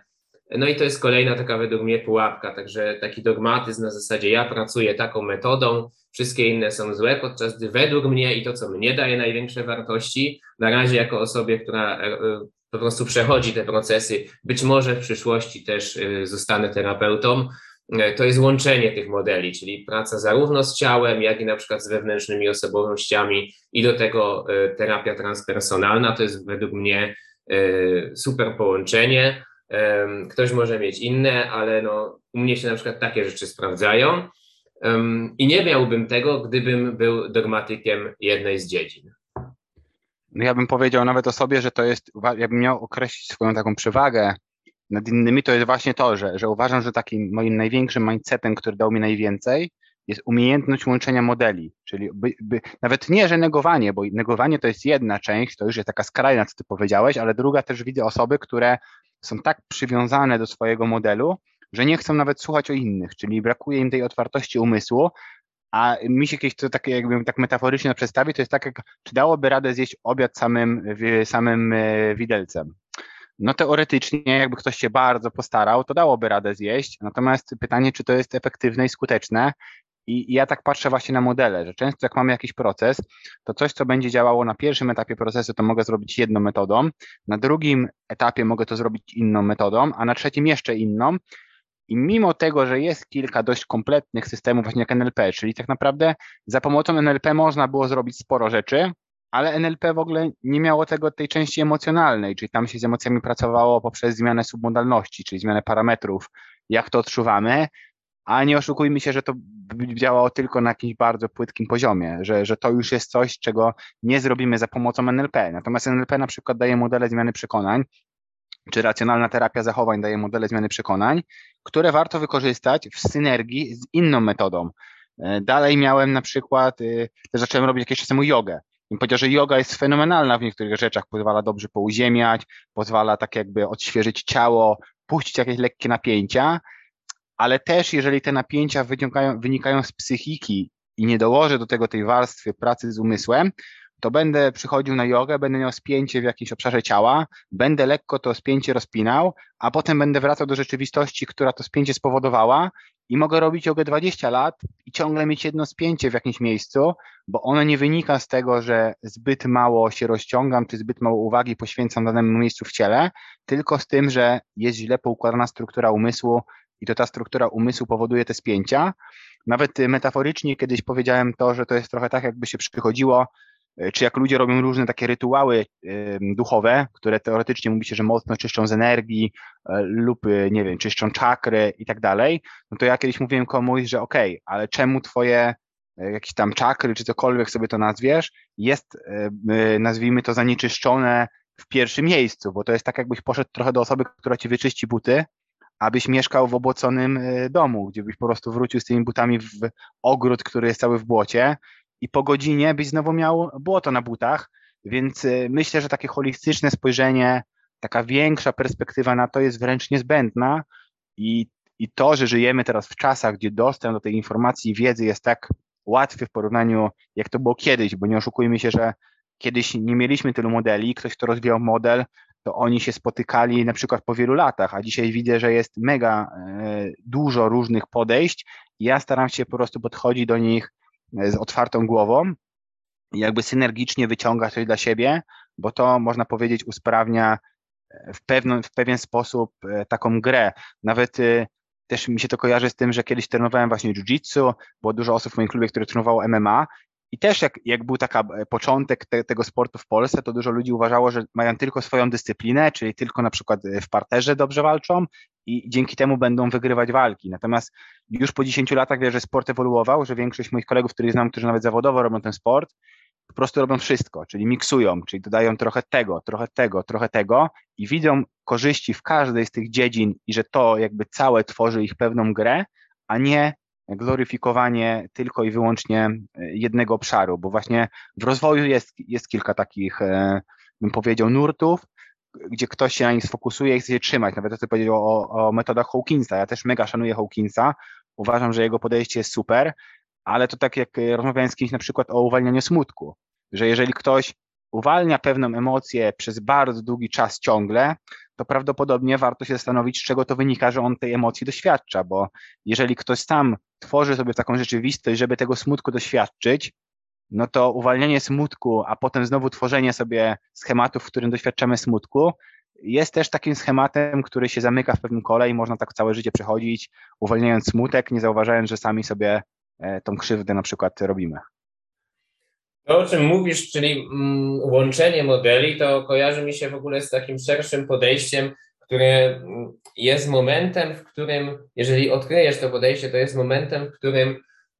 mm, jesteśmy na takiej dobrej drodze rozwojowej, mam wrażenie, i już osiągamy taki poziom naprawdę fajny, można powiedzieć zaawansowany, czyli to jest taki kluczowy moment, że widzimy, że praktycznie każdy problem można rozwiązać, bo da się go zdekomponować na konkretne jakieś y, wyzwania. Czyli na przykład widzimy to, że y, jakbyśmy chcieli mieć powiedzmy mm, jakiś projekt, załóżmy biznesowy nawet, czy powiedzmy nawet jakiś szkoleniowy, tak jak mogę na swoim przykładzie trochę to powiedzieć, to kiedyś wydawało mi się, że to jest taka trochę czarna plama, która gdzieś tam jest w oddali, może nie czarna, ale taka bardziej jakaś taka szara, rozmyta, jakaś mgła, trochę taka, która jest w oddali i nie bardzo wiem, jakie są kolejne kroki, żeby do tego dojść i żeby to po prostu tą wizję trochę roz, jakby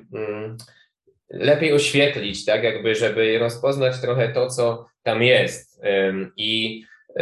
to było takim momentem przełomowym, kiedy zdałem sobie właśnie sprawę, że można po prostu dzielić te rzeczy na, jakoś, na jakieś mniejsze i wydzielać tam segmenty, które się wiążą z emocjami, które się wiążą właśnie z tym wszystkim, o czym mówiliśmy wcześniej, czyli nabywaniem jakiejś konkretnej umiejętności, może e, poszukaniem mentora, może zobaczeniem, czy te rzeczy w ogóle da się robić, może trochę jest jakichś błędów poznawczych na rynku, może za dużo nam obiecują, może mam tu nadmierne oczekiwania, czyli połączenie różnych schematów, które miałem z różnymi umiejętnościami, z różnymi tak naprawdę modelami teoretycznymi. No i jak to zrozumiałem, to też doszło do mnie, że to z jednej strony potrzebuję mindsetu, czyli potrzebuję mieć to swoje dlaczego, po co to w ogóle chcę robić, jaka jest moja misja za tym stojąca i te wartości. Potrzebuję mieć konkretny opis, czyli do kogo to jest skierowane i dlaczego ta wartość jest dla tych osób unikalna, lepsza niż większość tego, co jest na rynku. Jeżeli gdzieś czuję, że ta wartość jeszcze nie jest wyższa niż to, co jest na rynku, to jak mogę zmienić, żeby była?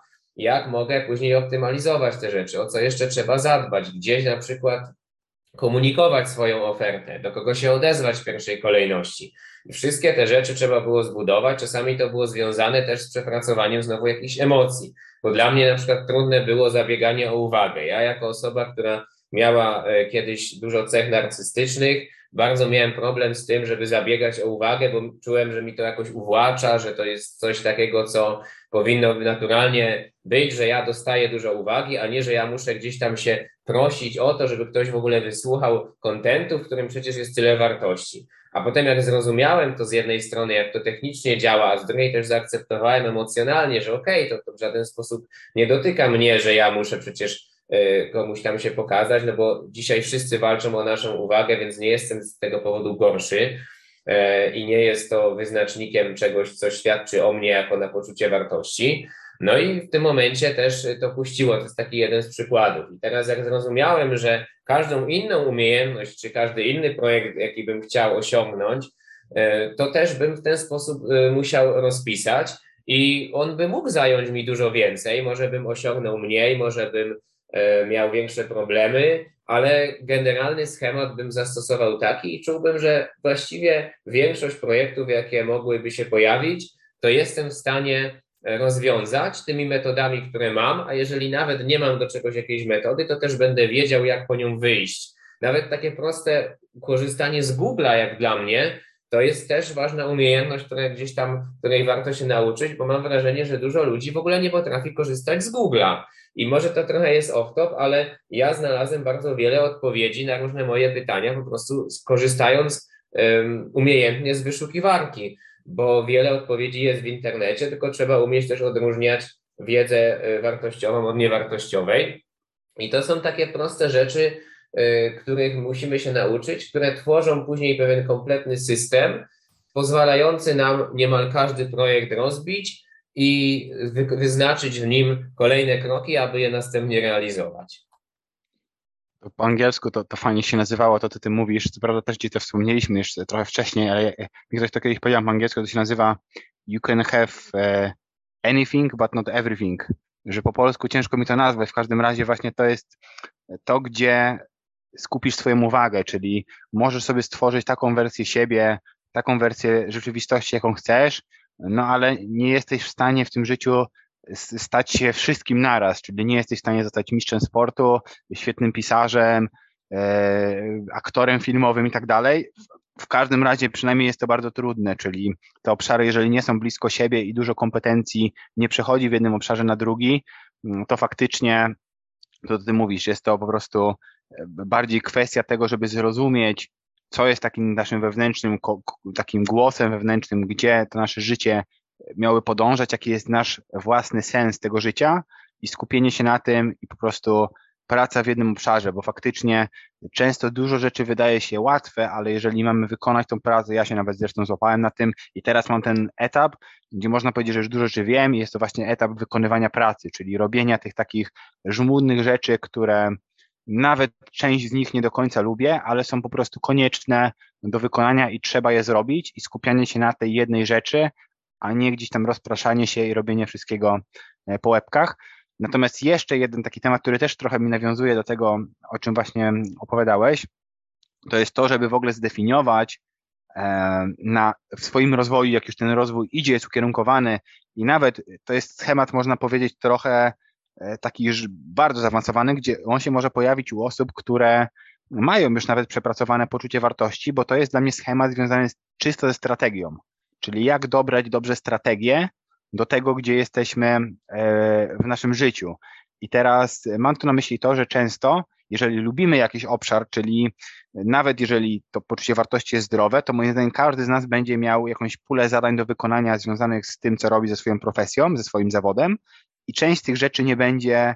lubiał robić, e, bo, bo albo może je oczywiście zdelegować, czyli taką zaawansowaną strategią jest to, żeby to delegować, ale raz, że na początku może nie być na to zasobów finansowych, żeby ktoś to zrobił za nas, albo będą to wręcz takie bardzo proste rzeczy, które i tak i tak trzeba będzie wykonać. I jest taka tendencja też umysłu, żeby skupiać się na tym, co już robimy dobrze, Czyli jakbyśmy wzięli nawet coś, co ja mówiłem w obszarach chyba związanych z korzyściami rozwoju, o tym kole życia, to skupić się na tych obszarach, które w danym etapie naszego życia będą takimi obszarami dźwignią. Czyli jeżeli teraz skupimy się na tych obszarach, to one automatycznie mogą spowodować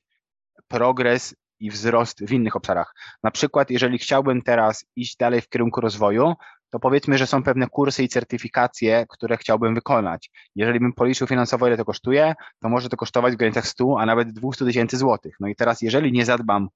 o obszar finansowy, tylko będę skupiał się tylko na rozwoju jakiś takim pobieżnym, bez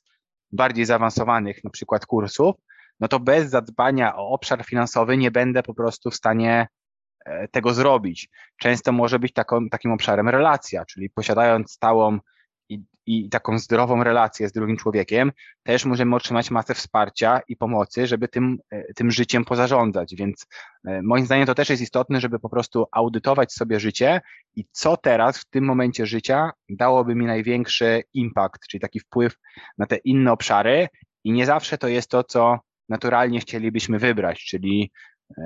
Mógłbym powiedzieć właśnie, że impact będzie tak, będę więcej nagrywał właśnie z tobą podcastów, będę więcej robić rzeczy rozwojowych, a prawda może być taka, że jak zadbam teraz bardziej o inny obszar, to dzięki temu ten obszar, o który chcę, chcę robić, jeszcze bardziej ewoluuje i pójdzie na, konkretny, na jeszcze kolejny level.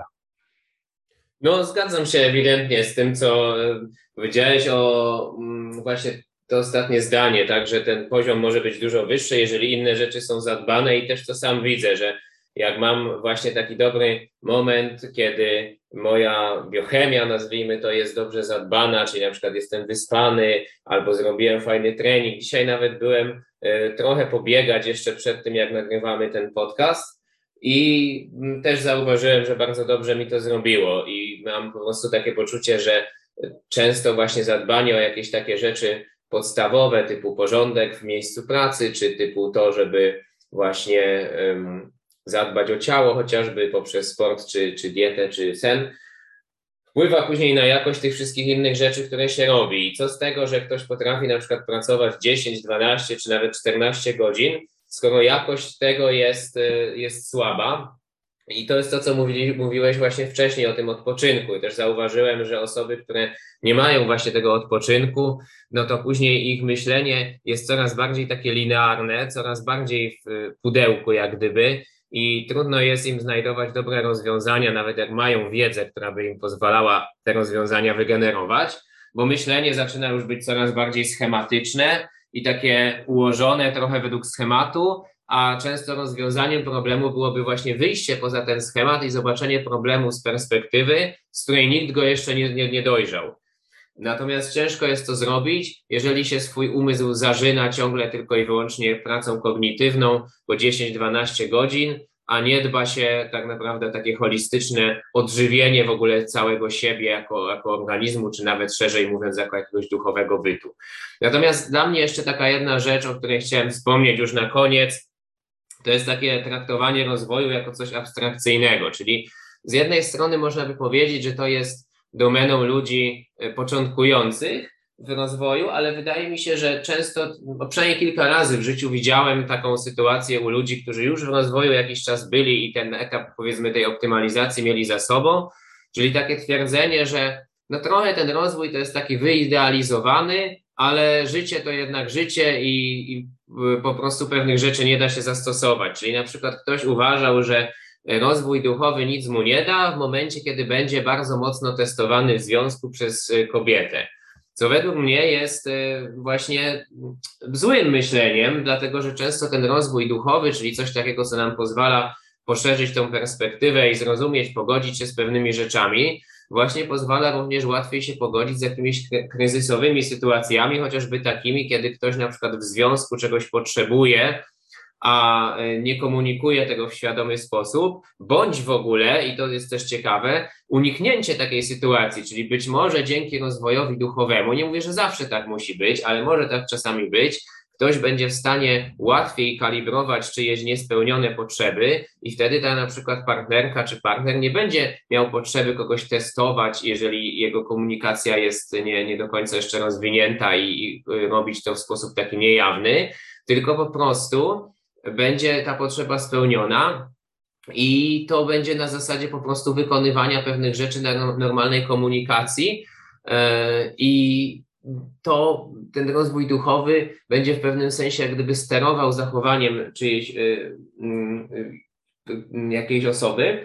i będzie wtedy łatwiej w różnych sytuacjach trudnych się po prostu odnaleźć lub wręcz tych sytuacji po prostu uniknąć. Tak jak mówię, nie zawsze tak będzie, ale to jest ta praktyczna strona tego rozwoju duchowego i według mnie takie podejście, że to jest abstrakcyjne, no to trochę mija się z celem w ogóle robienia tego rozwoju, no bo jeżeli ktoś to robi, ale spodziewa się, że i tak nie będzie miał z tego żadnych efektów, albo co najwyżej jakieś efekty bardzo powierzchowne, czyli ani się nie zmieni jego perspektywa postrzegania w ogóle życia, co uważam, że jest efektem rozwoju duchowego, ani w praktycznych sytuacjach mu nie będzie łatwiej, tylko co najwyżej czasami gdzieś tam będzie trochę spokojniejszy, bo będzie miał takie poczucie, że jest taki wymedytowany, no to trochę powstaje pytanie, po co to w ogóle robić. I według mnie y, często te rzeczy, o których wcześniej mówiliśmy, czyli to przekładanie tej teorii na praktykę, to jest to kluczowe, y, to jest ta kluczowa umiejętność, która pozwala zrozumieć, że tak naprawdę ten rozwój jest jak najbardziej praktyczny i taki aplikowalny do różnych życiowych sytuacji, tylko jeżeli okazuje się, że y, cały nasz duchowy rozwój dostaje w łeb, mówiąc kolokwialnie, w momencie, kiedy na przykład podoba nam się jakaś osoba płci przeciwnej, albo kiedy na przykład osiągnęliśmy jakiś duży sukces w życiu i, i ego zaczyna gdzieś tam się skradać tylnymi drzwiami, no to znaczy chyba, że po prostu ten rozwój duchowy źle robimy. I ja tak to widzę y, i uważam, że stwierdzenie, że rozwój jest abstrakcyjny, jest często zamykaniem sobie drogi do tego, żeby on się stał praktyczny, ale ta droga jest, ona istnieje tylko że czasami znowu wymaga to pewnego trochę pokombinowania i znowu pójścia naprzeciwko tego, co wiele osób mniema, czyli że rozwój jest taki właśnie linearny, o czym wiele razy mówiłem w poprzednim podcaście, a tak naprawdę zrozumienie, że nawet taki rozwój duchowy, i to przecież w książkach duchowych jest powiedziane, że składa się bardzo często z zupełnie różnych aspektów, z zupełnie różnych elementów i nie ma na to jednego przepisu, i dlatego takie kombinowanie jest tutaj jak najbardziej potrzebne. Zresztą czym innym jest rozwój duchowy w kulturze zachodniej, a czym innym był rozwój duchowy w Indiach 500 lat temu. Więc to też trzeba wziąć tutaj pod uwagę. Rozwój duchowy to już jest y, taki dla mnie jeszcze temat wyżej, czyli jak o ile bym powiedział, że rozwój osobisty dla wielu osób będzie trudny, taki rozwój osobowości, to rozwój duchowy źle rozumiany może też mieć dużo pułapek i jeszcze więcej mm, właśnie mm, stworzyć problemów, bo jak pamiętam, jak robiłem kurs swój dietetyki, to osoba, która mnie uczyła e, tej dietetyki, takie fajne zdanie, które zapamiętałem, on wtedy mówił, to zależy, że, że dużo rzeczy, jak ludzie zadawali pytanie, a mam, czy mam jeść to, a on mówił, no to zależy.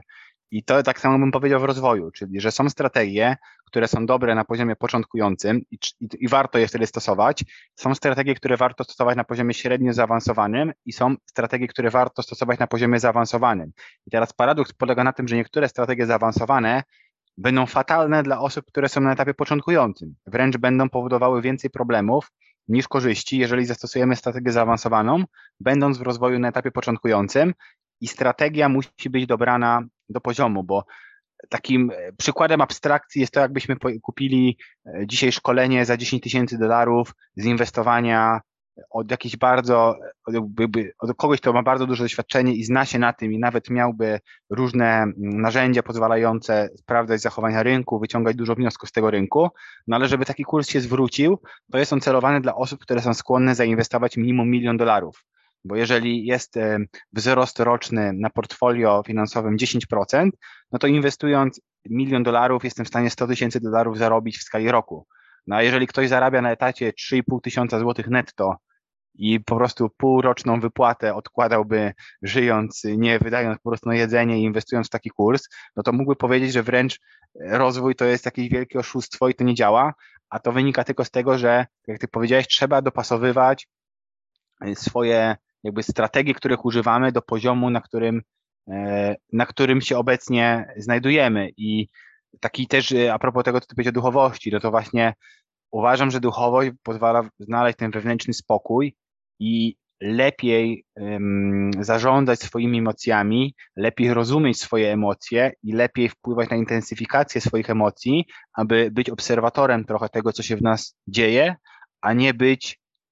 pod wpływem tego, co się w nas dzieje i to jest na przykład dla mnie dobrze rozumiana taka duchowość, a często też widzę osoby w duchowości, które uważają, że trzeba mieć wysokie wibracje i wysokie wibracje wynikają z tego, że wypierają pewne emocje, czyli nie czuję złości, nie czuję smutku, nie czuję wstydu, a jak dobrze wiemy i to, o czym tutaj rozmawiamy, to będzie powodowało, że pojawia się tych problemów jeszcze więcej, no bo jeżeli nie chcemy czuć jakiejś emocji, to ona będzie walić drzwiami i oknami, żeby się do, do nas przebić, a z tej części duchowej będziemy po prostu mieli takie, ja nazywam to duchowym ego, czyli będziemy mieć taką osobowość duchową, która będzie mówiła, że wszystko jest w porządku e, i udawała werbalnie przekazać to, że wszystko jest w porządku, pomimo tego, że w środku tej osoby tak naprawdę e, nic nie wskazuje na to, żeby wszystko było w porządku.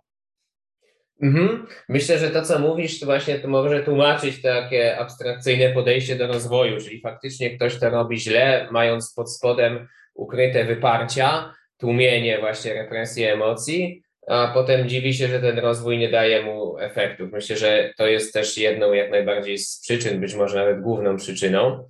No i widzę, że pomału gdzieś tam docieramy do końca tego, co chcieliśmy dzisiaj omówić, też ze względu na czas, który nieubłaganie nam płynie. I naprawdę, jak, może to już powtarzam się trochę, ale kolejny raz y, ta godzina, półtorej minęło mi naprawdę bardzo szybko, bardzo przyjemnie y, na tej rozmowie i, i w sumie nawet czasami musiałem się gdzieś tam powstrzymywać, żeby nie za bardzo odpłynąć pewne dygresje, bo miałem wrażenie, że jeszcze coś chciałbym dodać, jeszcze coś uzupełnić, jeszcze coś mi się skojarzyło, ale z drugiej strony no nie chciałem, żeby znowu nam się ten czas y, za bardzo rozszerzył tutaj, więc y, no myślę, że gdzieś tam, gdzieś tam pora kończyć nam ten podcast. No i tak jak wspominamy zawsze, już dzisiaj to też y, mówiliśmy, że dziękujemy Wam za feedback, który dajecie, czy to pod komentarzami, czy w jakichś postach, które wrzucamy, czy też nam na priwa. No i zachęcamy, żeby też ten feedback dawać na naszego maila o zmianie na spontanie małpa gmail.com. E, I też ewentualnie, jeżeli macie pomysł na to, co można by było jeszcze omówić, no to też jesteśmy otwarci na to, żeby takie pomysły się z Waszej strony e, pojawiały i żebyście razem z nami ten podcast po prostu mogli tworzyć. No ja ze swojej strony też już nie będę przedłużać. Myślę, że trzy godziny jest ponad takiego, e, powiedział, mięsa, mówiąc kolokwialnie, mm. czyli bardzo konkretny temat, gdzie omawialiśmy punkt po punkcie, bez zbędnych historii, więc myślę, że, że ta część wyszła super. Ja również ze swojej strony dziękuję wszystkim, którzy odsłuchali i przede wszystkim z serca wierzę, że mam nadzieję, że, że coś z tego wdrożycie dla siebie, albo przynajmniej e, coś Wam z tego pomogło, czyli macie jakąś perspektywę, lub jeżeli większość rzeczy już stąd rozumieliście, to utwierdziło Was to w pewnych przekonaniach i pozwoli z większą pewnością e, przechodzić przez swój proces rozwojowy. Także dziękuję serdecznie e, i do usłyszenia. Dzięki, cześć.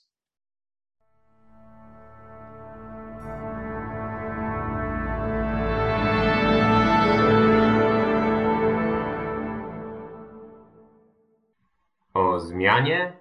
na spontanie.